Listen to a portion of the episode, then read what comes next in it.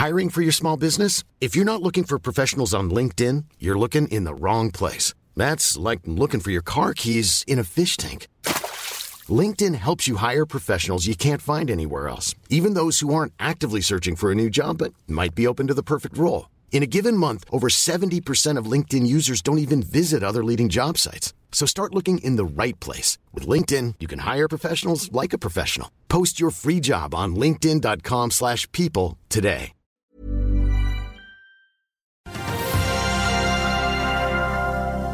Flyr har fått seg en ny venn og skal til Syden. Equinor har funnet mer gass i Norskehavet. Og hva skjer egentlig med inkasso når rentene stiger og det blir motgangstider? Det er onsdag 18. januar. Velkommen til Børsmorgen.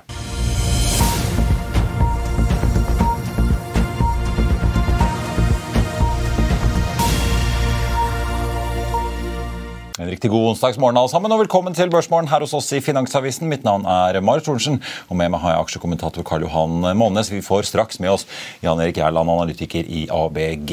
Wall Street i går, litt blandet får vi si. Nasdaq endte opp 0,14, mens Dow Jones uh, Industrial Average og S&P 500 endte ned rundt det samme. Litt senere skal vi snakke mer om uh, hva Goldman Sachs, Morgan Stanley og United Airlines annonserte, som røsket litt i markedet på hver sin måte i går, og for så vidt kan fortsette å gjøre det i dag. I Asia i natt og i morgentimene så har vi sett at eh, Nikkei-indeksen har steget eh, får vi si, enda mer. Den la jo på seg en prosent i går, har steget over 2% til i dag.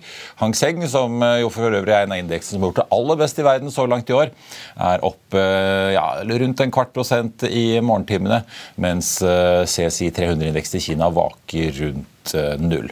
Hovedveksten på Oslo Børs i går endte jo opp 0,8 I dag melder værmelderne i DNB og Nordnett at eh, ja, DNB melder da opp 0,1, eh, mens Nordnett venter ned 0,2. Så vi får se om vi da starter litt flatt rundt nullpunktet. Oljeprisen fortsetter å vise styrke, får vi si. Opp 0,8% i spotmarkedet nå for et fat nordsjøolje til 86,60, mens den amerikanske lettoljen trekker litt ned. En halv prosent, men fortsatt da over 80 dollar fatet til 80,5 Flyr eh, meldte sent i går ettermiddag at de har signert en charteravtale da, med en ikke navngitt aktør for flyvninger til eh, sommersesongen nå i 2023, som skal gi selskapet minst 30 millioner kroner i charterinntekter. Til sammenligning var jo omsetningen for Flyr i tredje kvartalet i fjor, altså i den viktige sommersesongen, inkludert da september, på 610 millioner kroner med et driftsresultat som endte på minus 232. I morges så kom det en pressemelding fra Fly der navnet på denne charteraktøren kommer frem. og Det er da snakk om Ving og Nordic Leisure Travel Group. Ifølge kommersiell direktør i Flyr, Thomas Ramdal, så er det snakk om et betydelig antall flyvninger for flyselskapet til sommeren, med da avganger til destinasjoner som Tenerife og da Palma, Trondheim Palma og Bodø. Og Bodø-Palma får vi også si. Før jul annonserte jo Flyr at de, setter, eh, at de etter forespørsel fra flere amerikanske aktører også skulle søke om flylisens i eh, USA for å kunne drive charter- og wetlease-flyvninger i det amerikanske markedet, også da særlig i lavsesongen her i Europa. Alt dette gjøres jo for å spe på inntektene til Flyr, som sliter med økonomien, og henger jo da igjen sammen med at det er jo emisjonsnyhetene vi egentlig går og venter på, som Flyr-sjef Brede Huser selv har sagt i dette studioet, så trengs en avklaring og mer kapital inn i selskapet før utgangen av mars. Årets første funn på norsk sokkel er klart. Equinor melder at de har gjort et funn på Obelix Upflank, som de kaller prospektet, bare noen få mil unna gassfeltet Åsta Hansten da i Norskehavet. Og også bare eh, drøye to mil unna det nye satellittfeltet Irpa, som Equinor søkte om å få bygge ut nå like før jul. Funnet er på mellom 12 og 69 millioner fat oljeekvivalenter, tilsvarende da 2-11 milliarder kubikkmeter gass. Og så har Archer annonsert at de har inngått en intensjonsavtale med Berkey Hughes om et eh, mulig oppkjøp kjøp av deres coiltubing og pumpevirksomhet i Storbritannia, der Archer sier at de ønsker å vokse. Baker Hughes selger virksomheten som et ledd i en avtale med britiske myndigheter for at Baker skal få kjøpe Altus Intervention. Og det skal jo da i denne konkurransemyndighetsprosessen stå mellom at det enten er Archer eller en annen aktør som da får kjøpe den virksomheten. Ifølge Archer så skal en offentlig høring rundt eh, konkurranseprosessen her være konkludert innen 1.2. Så melder Tekna at Espen Skeie er utnevnt til ny finansdirektør. Etterfølger eh, Serge Blackburn, som vil gå med pensjon i slutten av året. For å ta med at styremedlem Morten Henriksen trekker seg, etter som han da nylig ble utnevnt som sjef i Gassnova. BV Energy er ute med noen tall for fjerde kvartal. Bruttoproduksjonen på Torturfeltet endte på 9600 fat per dag i fjorårets siste kvartal, ned fra 10 400 i tredje kvartal. Produksjonen skal ha blitt påvirket av eh, både feltutviklings- og modifikasjonsaktiviteter. Selskapet oppnådde i snitt en oljepris på 73 dollar fatet, som er lavere enn markedsprisen, grunnet da midlertidig overforsyning av russisk råolje inn i markedet og høye transportkostnader, melder BV Energy. Da, Karl Johan, god morgen. Eh, før vi tar inn gjesten, må vi også bare kjapt ta med får vi si, siste vendingen i sagaen om Frontline og Euronav. Ja, det er jo at eh, Styret og ledelsen i Euronav ser jo at eh, det er mulig å få til en deal da, mellom Saveris, som eier 25 og, og eh, John Fredriksens Frontline, som har budt på selskapet, men Saveris vil verken ha penger eller eller kontanter. De vil ha, Det virker som at de vil videreføre selskap som et grønt selskap, da, for at det er mye tradisjoner. og Jeg har skrevet en kommentar om det i dagens avis. og, og eh, de, er, dette her, de, er veldig, de er veldig konkrete med sine grønne planer. og Hvis man ser litt på familiens historie, da, så, så har de eid eh, aksjer i Fortesk Metals tidligere. og Det, jo, det gir jo link til Andrew Forrest, som er verdens største private investor i grønn hydrogen. Han skal investere 1000 millioner eh, australske dollar. Et intervju på 60 eh, Minutes i Australia. Pluss at de har gjort Jeg tror de har en, en liten, en liten sånn prøvebåt i Belgia med hydrogen. Så Eh, dette er en familie som de, de liker å framstille seg sjøl som at de har holdt på med, med shipping siden 1800-tallet. Og, og, og, når du går og ser på hva de har gjort, da, så var jo klart faren han var snekker på et verft. og det er klart det, Nesten alle holdt på med shipping i Norge hvis det var det som skulle være til for å drive på med shipping. Og så har de kjøpt da eh, CMB, da, som er Compagnie Maritime Belgique, som er den gamle Kongo-båten som var starta i 1895 av den belgiske kongen. Så de har kjøpt det navnet. da, og tatt også. Dette her er en familie som ønsker å være en tradisjonsrik familie, og de tar vare på navnet. men, men jeg tror det de rett og slett bare rett og slett ønsker å videreføre euronavnet. Og, og, eh, det er jo sånn i Europa at det er viktig å ha gamle selskaper. Er det, når Commerzbank, ja, Commerzbank CFO sier at ingen, ingen, store selskaper skal slås konkurs. Det er, det er mye enklere å søke støtte. Det skal sikkert støtteordninger for det kommer en slags Inflation Reduction Act i Europa også, der det skal søkes støtte. og Da er jo selskapets levealder helt sikkert et kriterium. ikke sant? Og, ja, for da er det potensielt ikke ikke bare holdt på grønn frakt av olje, men det er jo ja. altså, frakt av ammoniakk og annen, andre grønne industrisatsinger. Og Dette er uvant for Fredriksens system, at du liksom ikke bare kan Hvis du bare gir dem et godt tilbud, og aksjen går opp What's not in it? What's, not, not to like? ikke sant? Hvorfor vil de ikke ha dette tilbudet her? Fantastisk tilbud, aksjen går opp. og her i helt korka. Nei, men penger er ikke alt. ikke sant? Det er familiens tradisjoner. og Da kan man jo si at det, det er ikke sikkert det er, så, det er lønnsomt, dette, men dette er det de prioriterer. Så jeg er helt sikker på når de setter seg ned sammen, så finner de ut eh, hvordan de skal fordele dette. Så kanskje Frontline stikker med 75-80% av skipene. og eh, Familien eier jo også Exma, de har Ship Management. Jeg er helt sikker på du trenger ikke være så god å forhandle heller før du klarer å finne en løsning på dette. fordi det er så klare forskjeller på hva de vil ha.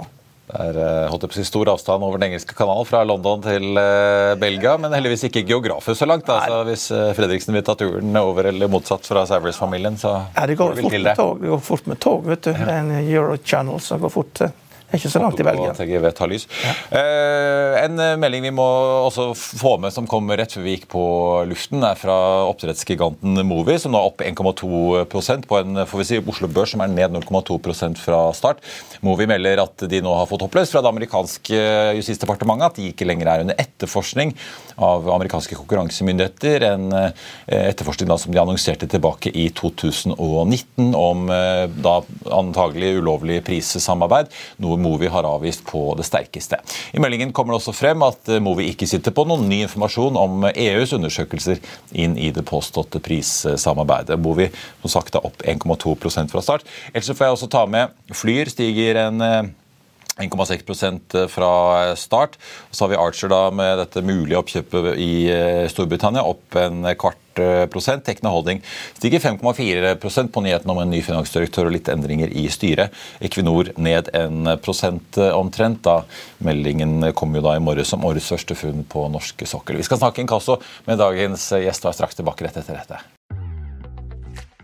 Vil du bli oppdatert på det viktigste som har skjedd innen finans og næringsliv? Da er det bare å følge med, for hver morgen er jeg, Marius Lorentzen og aksjekommentator Karl Johan Malnes på plass i studio for å ta tempen på dagens marked i Børsmorgen. Og hver ettermiddag oppsummerer vi alt du trenger å vite i økonominyhetene, og det blir selvfølgelig masse interessante gjester.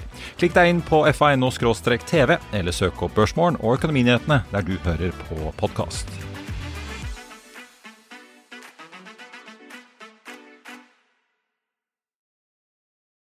Da skal vi til eh, dagens gjest, som jo dekker en sektor vi har snakket en del om i denne verden, hvor rentene stiger igjen, i hvert fall for å si historisk. Men én ting er jo selve banknæringen, men hva skjer med inkasso i en verden med både økte renter og en mulig resesjon? Blir det dyrt å hente penger, eller blir det bare masse mer å gjøre? Riktig god morgen og velkommen til Jan Erik Gjerland, analytiker i ABG. Tusen takk. Vi må snakke litt om eh, inkassobransjen og Aksaktor. Vi har fått et par mailer fra lyttere og lesere som er litt interessert i hva som eh, skjer her. Skal vi begynne litt sånn overordnet før vi graver oss ned i tallene? Eh, litt sånn Tradisjonelt, hvordan står egentlig inkasso seg i resesjonstider? Eh, I utgangspunktet så står det seg tilsynelatende ganske OK, eh, vil man vel si. Selv om eh, folk kanskje jo da får dårligere råd og mindre arbeid og, og egentlig kommer litt sånn svakere ut, så kan du si at de som allerede er i inkassoselskapenes klør, da, de er jo ikke nødvendigvis de, på toppen av rangstigen. Og det er de som kanskje har utfordringer fra før. Så i den settingen da, så kan man si at uh, de som uh, er i, i, i, den massen, er nødvendigvis ikke de som har hatt det så bra de siste årene, og når de ikke nødvendigvis får det så mye verre enn de har det akkurat nå. Det som uh, derimot i inkassoselskapenes ånd ser mer positivt ut, er at det blir flere Eh, misligholdte porteføljer til, tilgjengelig, fordi flere av oss kanskje kommer dårligere ut. Og Det er de porteføljene man da skal kunne kjøpe nå eh, til en fornuftig pris, og deretter kunne utnytte og, og, få tilbakebetalt i årene som kommer, når tidene blir litt bedre enn litt senere. Så, så utgangspunktet kan du si at det, det er litt sånn mixed. akkurat Det der. Det er ikke noe god korrelasjon verken på det ene eller andre stedet mellom arbeidsledighet og svakere tider og BNP-vekst osv. Men, men uh, aksjene stuper jo. Uh, ingen vil ha det. Så det, det, det, er kanskje det som er den største utfordringen. Ja, for det, Du tok opp dekningen, eh, så jeg på Aksaktor tilbake i desember. Og har Stemmer. Eh, en kjøpsanbefaling på 7,50. Nå ligger den rett under 6 kroner på 5,90. Det var jo litt dramatikk der i 2020 da Endre Ragnes måtte gå på dagen og, og finansdirektør Jonny Solis eh, kom inn som eh, sjef. Jeg ser jo det har fått litt mer fart i aksjer de siste månedene, men de kommer jo med en kvartalsoppdatering her for noen dager siden hvor de sier at nå skal de jo øke investeringene ganske mye, virker det som. I hvert fall i fjerde kvartal eh, økte de da investeringene i disse porteføljene med non-performing eh, loans. Absolutt. Eh, I stort sett er jo annet kvartal og fjerde kvartal de to sterkeste kvartalene når man skal kjøpe porteføljer. Eh, det som sektoren jobber litt med nå om dagen, er på en måte å finne et, eh, en balanse mellom hva de skal kjøpe til, og hva, de skal betale for egen gjeld. Så Det som er blitt mest populært nå de siste tidene, du så kanskje B2 i går, og vi forventer også det samme på Intrium, som er den store svenske inkassospilleren, er at de skal ta ned gjeldsgraden sin ganske betydelig. Eh, og den, den, aksjen som faktisk har en veldig lav gjeldsgrad, er B2 Holding, som er allerede nede på, på 2,4. Eh, både Axactor og, og Indrum jobber seg ned mot 3,5. Um, ligger rett over på 3,6, så de har ikke en så lang vei å gå. Uh, men det som kanskje har vært den største utfordringen, er på en måte den, det gjeldsforfallet som Axactor har nå i januar 24, eh, og eh, til hvilken pris den skal refinansieres. Så Det, det Axactor var ute og sa nå sist, var jo egentlig at de eh, bare skal nedbetale den gjelda og ikke ta på noe ny. Og dermed fortsette å ta ned sin egen gjeldsgrad. Og heller anvende da disse bankfasilitetene som de, de besitter, til å komme kanskje gunstigere ut, mens de venter på en, en, åpning i obligasjonsmarkedet som kanskje ikke er på disse nivåene som vi så Intrum gjorde i desember, som var på vel 7,9 eh, prosentpoeng over løpende eh, si Nibor eller Stibor. Så, så, det er dyr gjeld å hente der ute for de som skal gjøre det. Så vannmarkedet har kommet litt Eh, bedring nå i januar, så får vi se om vi kan hjelpe aksjeakter å sette en, en, fornuftig obligasjon hvis de ønsker å gjøre noe, og ikke bare nedbetale den sånn som de nå har indikert. Ja, for de, sier jo da I år så regner de med å investere 100-150 millioner euro i nye eh, låneporteføljer. Men uh, de skal jo fort til det dobbelte da i 2024 igjen. men det den planlagte investeringsveksten der fordrer at de klarer å få til hele på en måte gjeldspakken som du snakker om? da? Ja, både eh, for, for en fornuftig gjeldsgrad, men, men, også selvfølgelig det de får inn nå som, eh, som eh, inndrivelser da, fortløpende. Det går jo nødt til, til, kontanter. Og dermed kan man kjøpe nye porteføljer ut fra de pengene som man får inn. Så, så, alle driver jo på en måte ikke nødvendigvis fra hånd til munn, men det er på en måte den inndrivelsen man jobber med på de porteføljer man allerede har kjøpt, som også skal selvfølgelig hjelpe til å, å, å, å kunne investere i nye porteføljer. Eh, både B2 og Axacto er såpass unge selskaper at de har på en måte ikke kommet helt over den kneika kan man si, da, hvor man ser at uh, nye kjøp og, og amortiseringer på, på, regnskapet sitt er i balanse, sånn som Intrum er. Uh, så, så, sånn sett så jobber begge to fortsatt med en, en kanskje en svak EPS-utvikling, som du nevnte innledningsvis, Karl Johan. Uh, men, men, og Axacto har jo også ryddet ganske godt i skapene sine både i 2020 og 2021, og kommer og funnet kall det svakere porteføljer som de har nedskrevet ganske hardt. Derfor er jo nå Aksaktor vel ute av, av, skapet igjen og er klare for eh, å ta tak i ny vekst. Men de ønsker å se at prisene på det de skal kjøpe, kommer ned. Så bankene må sånn som innledningsvis snakket om, kanskje sette av mer penger for at de prisene skal være mer interessante for disse spillerne, nå som eh, PE-aktørene har forsvunnet fra markedet. Er ikke det veldig strenge reguleringer nå i bransjen og veldig hard konkurranse om porteføljene? og eh, Hvilke geografier er det som er mest attraktive å kjøpe porteføljer i, gitt at reguleringene stadig strammes inn? Du kan si I Norge så er det, eh, det kanskje tøffest regulering. Eh, og Der vil jo gjerne Finanstilsynet at de som kjøper porteføljer fra norske banker, skal skrive like hardt eller, eller enda hardere enn det, enn det banken har gjort. Så I Norge så er det kanskje ikke så attraktivt å kjøpe porteføljer. Vi har ikke helt sett den samme samme dynamikken i Europa som Finanstilsynet har forfektet. Men det som er interessant, er at all, all gjeld som er misligholdt etter eh, våren 2019, Eh, skal nedskrives på en annen måte enn man tidligere hadde. Så, og Nå har vi gått uh, vel tre år ut i, i den, uh, den sykkelen, så vi, nå tror vi at det begynner å komme mer gjeld som må skrives ned hardere for bankene. sånn. Det kan ha ført til at uh, dette kvartalet, altså fjerde kvartal som vi nettopp har forlatt, har vært et ganske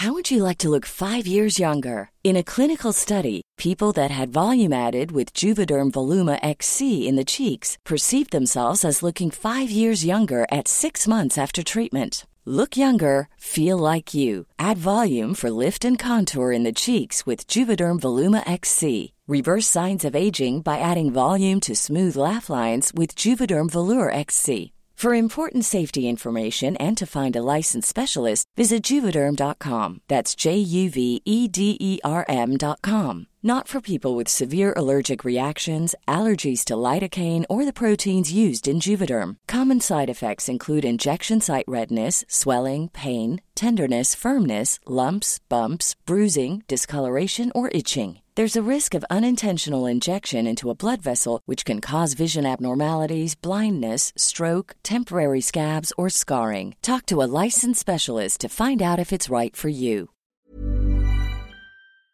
I'll see you in court.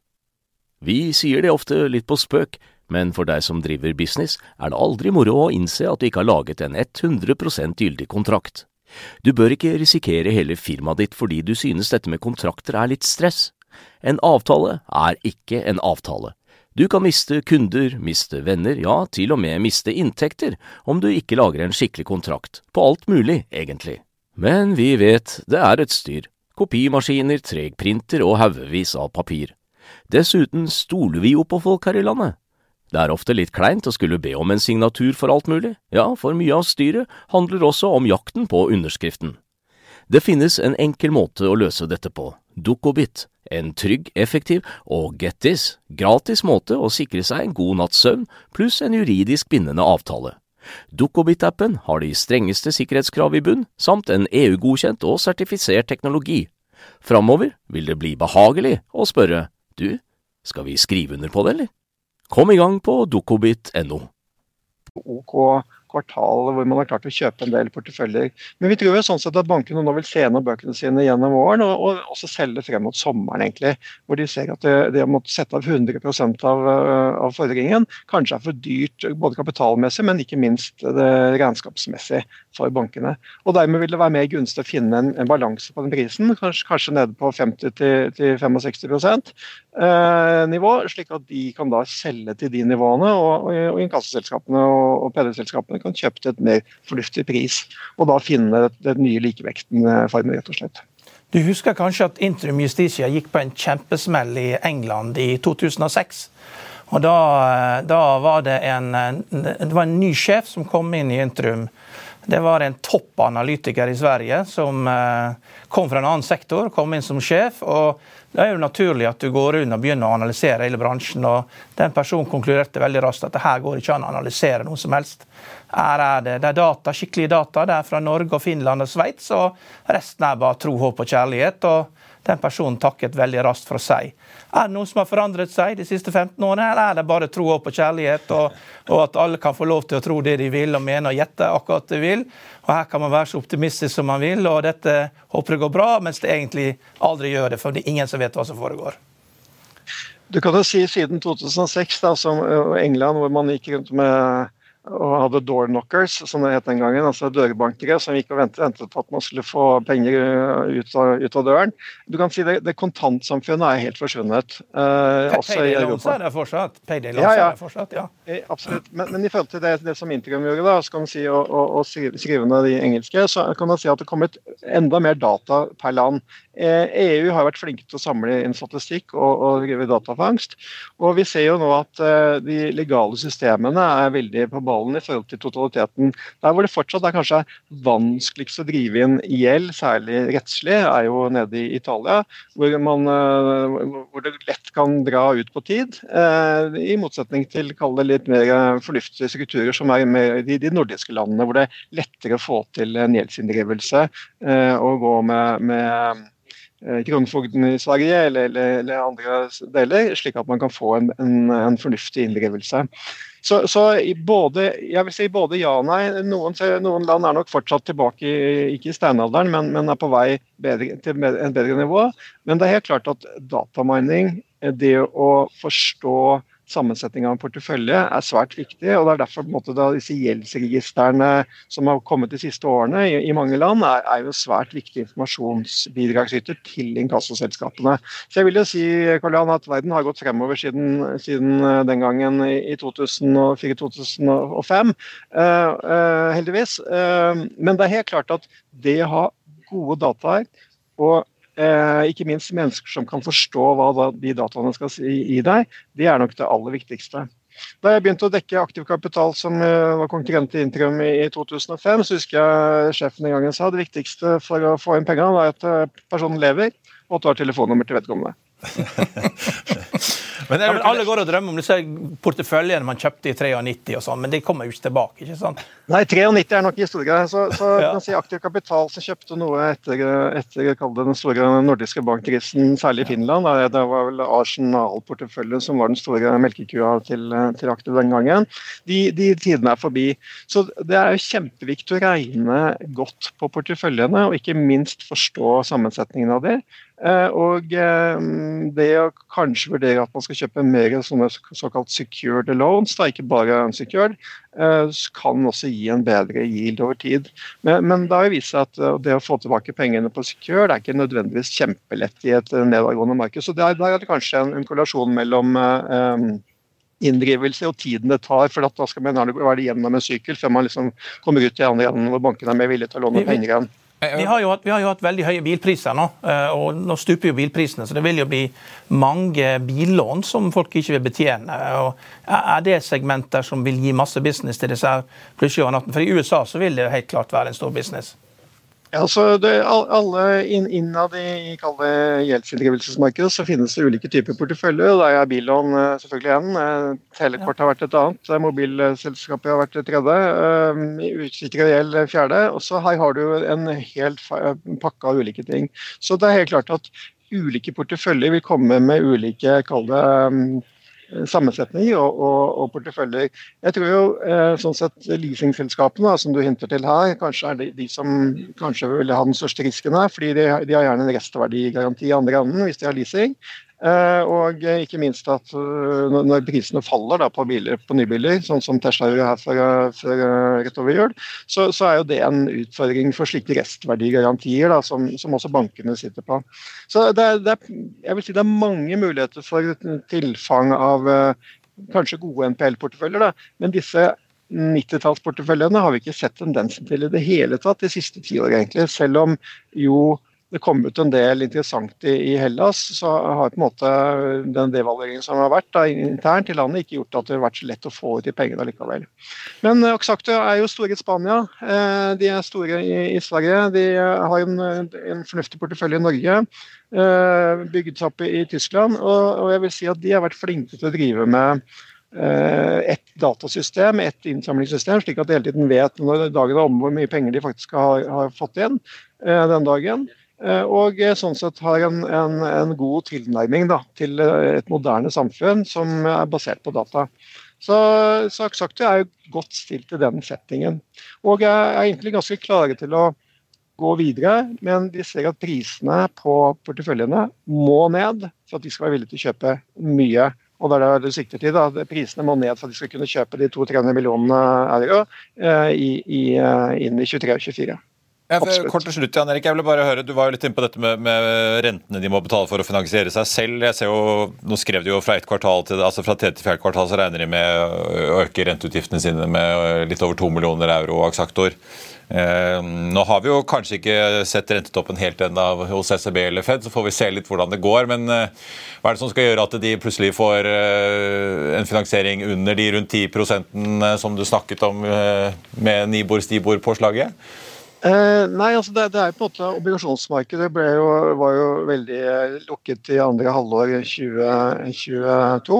Eh, vi ser nå at det er en større si, interesse å også ta på seg nye, ta nye bonds. Eh, så vi ser jo allerede nå på vår desk at interessen er stigende. Eh, altså Før kan du si, fjor høst så var det kanskje bare noen få linjer som var interessert i å kjøpe. Nå er det mangedoblet. Så, så, så, interessen blant de som skal kjøpe obligasjonene, er også steget. og det vil si at da kommer naturlig ofte spreddende litt inn. Press, ja. Det, det, er ikke noe, det er ikke noe DNB kan jo få litt ekstra mislighold her nå. Du har jo selv jobbet i DNB. og var, De hadde vel en avtale tidligere med DNB at de fikk noen porteføljer og fikk finansiering på det. Så det er jo en måte å få finansiert veksten sin på, å gjøre en deal der. Ja, altså Aksaktor, BT Holding og Interim har jo alle litt bankgjeld. ikke sant? Og Det er der Aksaktor nå skal gå og, og, utnytte enda mer av den fasiliteten de har med, med DNB Nordea. Uh, og så har jo også Swedbank vært interessert i, i samme sektoren. Og eh, er det noe bankene er interessert i om dagen, så er det å låne ut penger for de har altfor mye kapital. Eh, men de må jo også være interessert i å få tilbake pengene, selvfølgelig. Så hvis du kan få låte ut penger til noe som du tror du får tilbake pengene, og til en ganske hyggelig margin i forhold til det du har på boka i dag, så er bankene ganske villige. Eh, de liker ofte litt lavere gjeldsgrad enn obligasjonsmarkedet, så det er kanskje den største forskjellen mellom bankene og obligasjonsmarkedet. Eh, så bankene setter nok en liten sånn tak på hvor mye de er villige til å låne ut til sektoren som sådan, men de ser at marginene som de kan ta selv, er ganske hyggelige. Så da kan du jo selge dine egne misligholdte lån til disse spillerne og låne penger til det. Ganske fin kombinasjon. Vinn-vinn. Og så Interessant å merke seg at det er litt bevegelse i obligasjonsmarkedet, i hvert fall på investorsiden. Jan Erik, takk skal du ha for at du var med oss. Takk skal du ha. Jan Erik Eiland i ABG. Du, Karl Vi må snakke litt om hva som rørte seg på Wall Street i går. fordi at, får vi si, Morgan Stanley Goldman Sachs, På fredag før Martin Luther King fikk jo en god del av bankkvartalstallene. Nå kom et par av meglerhusene nå i går. Morgan Stanley overrasket positivt, Goldman Sachs negativt, men de, liksom, de gikk omtrent 6 da med motsatt fortegn hver vei. Goldman Sachs eh, bidro til et ganske solid eh, trekk ned på Dow Jones-indeksen. Ja. Men jeg kan begynne med Morgan Stanley, ta det positivt først. Da. De, ja. får jo nå payback for at de har hatt en veldig god asset management-strategi og tatt vare på kundene og fått uh, mange kunder. og det er sikkert Mike Wilson har sikkert en viktig rolle i dette her. og at uh, det er on page da, altså, Morgan Stanley er en veldig desentralisert organisasjon. Det er ikke som en top down-organisasjon. Når det virkelig koker der, så er det ikke sånn at beslutningene begynner på toppen. Det er mer sånn at uh, mafiaen ringer inn til toppledelsen og lurer på hvorfor de har tenkt å starte kasino kasino ja. i New Jersey. og Da er det noen som holder på å jobbe med det, og sjekker ut det før de forankrer det med toppledelsen. Og, og de, kan, de, de, gjør ganske mange ville ting, eh, mens Goldman Sachs er jo helt klart eh, toppstyrt. og og eh, Det må det også være når du skal få de største bidragene fra staten. og det er klart Goldman Sachs ble bank. Og For å være bank da, og få banklisens, så må du late som du skal være bank. De inngikk jo avtale med Apple. Nå er de som driver Apple Card. Ja, ja. Og nå har de tapt en milliard på det. det ryktene sier at de taper fire milliard dollar på dette. her, og, det, og Hvorvidt at liksom, nedskrivningene har blitt tatt eller skal tas. Det Eh, men det er prisen. Når du skal ha 40 milliarder bli reddet av staten for at du skal bli bank, så må du starte bank. Men Goldman skal ikke drive med, med bankvirksomhet til eh, privatkunder. Det er ikke det. De, er, de betjener stater, de betjener de største selskapene. og De har ikke vært noe gode på asset management. De har ikke klart å fått noe størrelse på det. Da. Men det har Morgan Stanley klart. Nå blir det vel mange som følger spent med når David Solomon og resten av Goldman-ledelsen skal ha kapitalmarkedsdag litt uti ja. februar. Men jeg merket meg jo uh, Goldman setter av nesten en milliard dollar i tapsavsetninger. Det var jo rundt 50% mer enn de 600 ja. millioner dollarene som var ventet. Ja. Men de er jo ikke de eneste bankene. Vi har sett noen av de andre bankene som kom sist fredag også gjort større tapsavsetninger enn det som var eh, ventet. Ja, det kommer... snakker de om at de venter en mild resesjon og ikke en eh, alvorlig resesjon, men likevel det virker som de i hvert fall begynner å buffre opp litt grann nå. Massive tap på billån, fordi at uh, her har man uh, altså kredittinstitusjonene har brukt biler til å låne folk penger under pandemien. og Folk har fått eh, 120-130% finansiering på, eh, på, biler som har vært 20-30 for dyre i tillegg. og ja, charger de 17-18% rente og sånn. og det er så det, hvis du skal drive med Når Reagan ble president, da, så jeg snakka med mange kunder da, som sa de kom ut fra college, så den mest vanlige jobben å ha da, studiet, var liksom å hjelpe til å være repo man. Det var å stikke opp og taue en bil her. Og, ta, ta, og, og, det kommer det til å bli veldig mye av. fordi at eh, du har hatt litt sånn som du hadde i 1986 også i Norge, at folk leaser Porsche over sommeren og hadde ingen eh, tanke om å holde den lenger enn sommeren. og Fikk, når du har så slappe lånebetingelser, kan alle lease seg luksusbiler. Og så går det ei uke, kommer første betalingen, så ringer du inn så sier du at uh, erklærer forbearance. altså Da er det ett år forbearance. Da kan ikke de ta bilen. Så har du gratis bil i ett år. Og disse tingene kommer til å bli så kaos i bilmarkedet i USA. Og det er klart dette blir tap som bankene kommer til å ta. Nå, nå kommer disse tapene. Det som kanskje var litt overraskende, eller Vi har jo sett at det har gått bra i amerikansk luftfart. Eh, veldig trøkk. De har slitt med å få nok kapasitet, og det virker som folk betaler ganske saftige priser for å fly.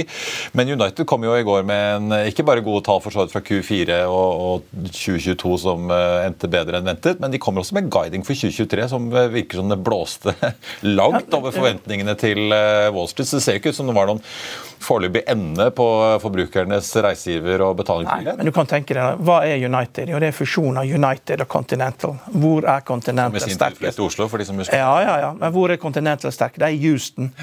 Det er liksom New York er liksom Ja, mest Houston, der er de relativt altså Alle er jo i New York.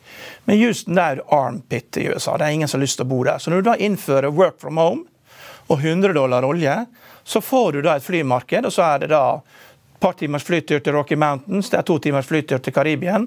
Og så innfører du work from home i en by som Houston med 100 dollar olje, hvor det liksom er råvareprisen som gjør jobben. Så får du enorm etterspørsel etter eh, fly.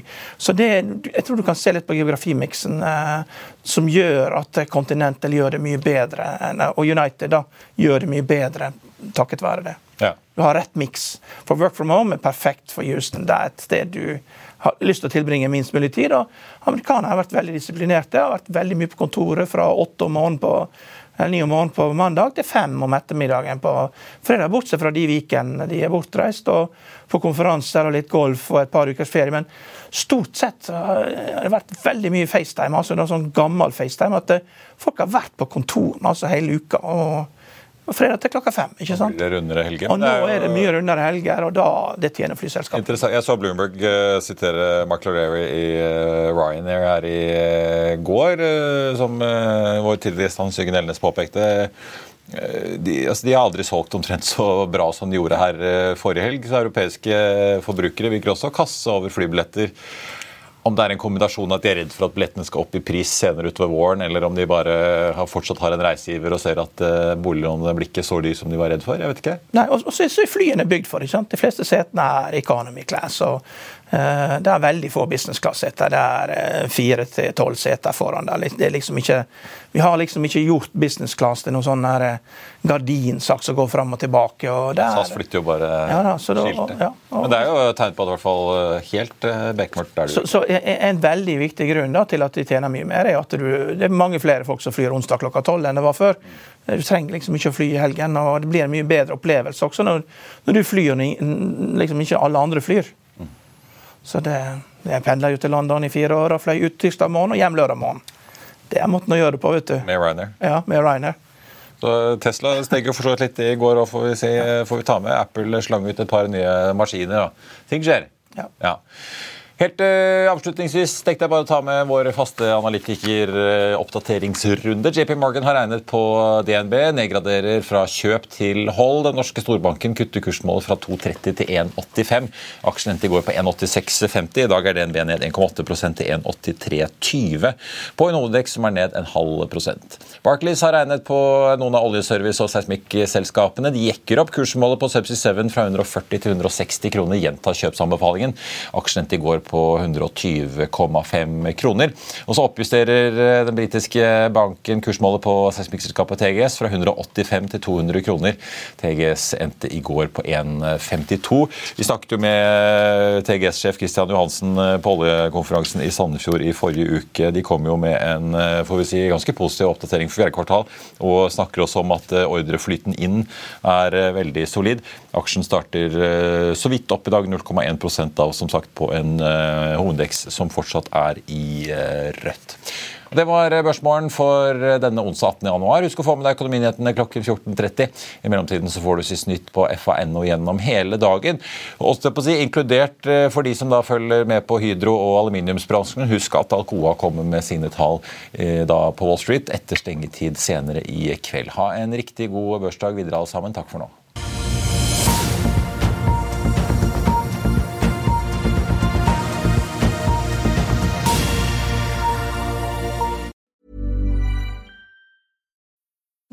Need mealtime inspiration, it's worth shopping Kroger, where you'll find over 30,000 mouthwatering choices that excite your inner foodie. And no matter what tasty choice you make, you'll enjoy our everyday low prices, plus extra ways to save, like digital coupons worth over $600 each week. You can also save up to $1 off per gallon at the pump with fuel points. More savings and more inspiring flavors make shopping Kroger worth it every time. Kroger, fresh for everyone. Fuel restrictions apply.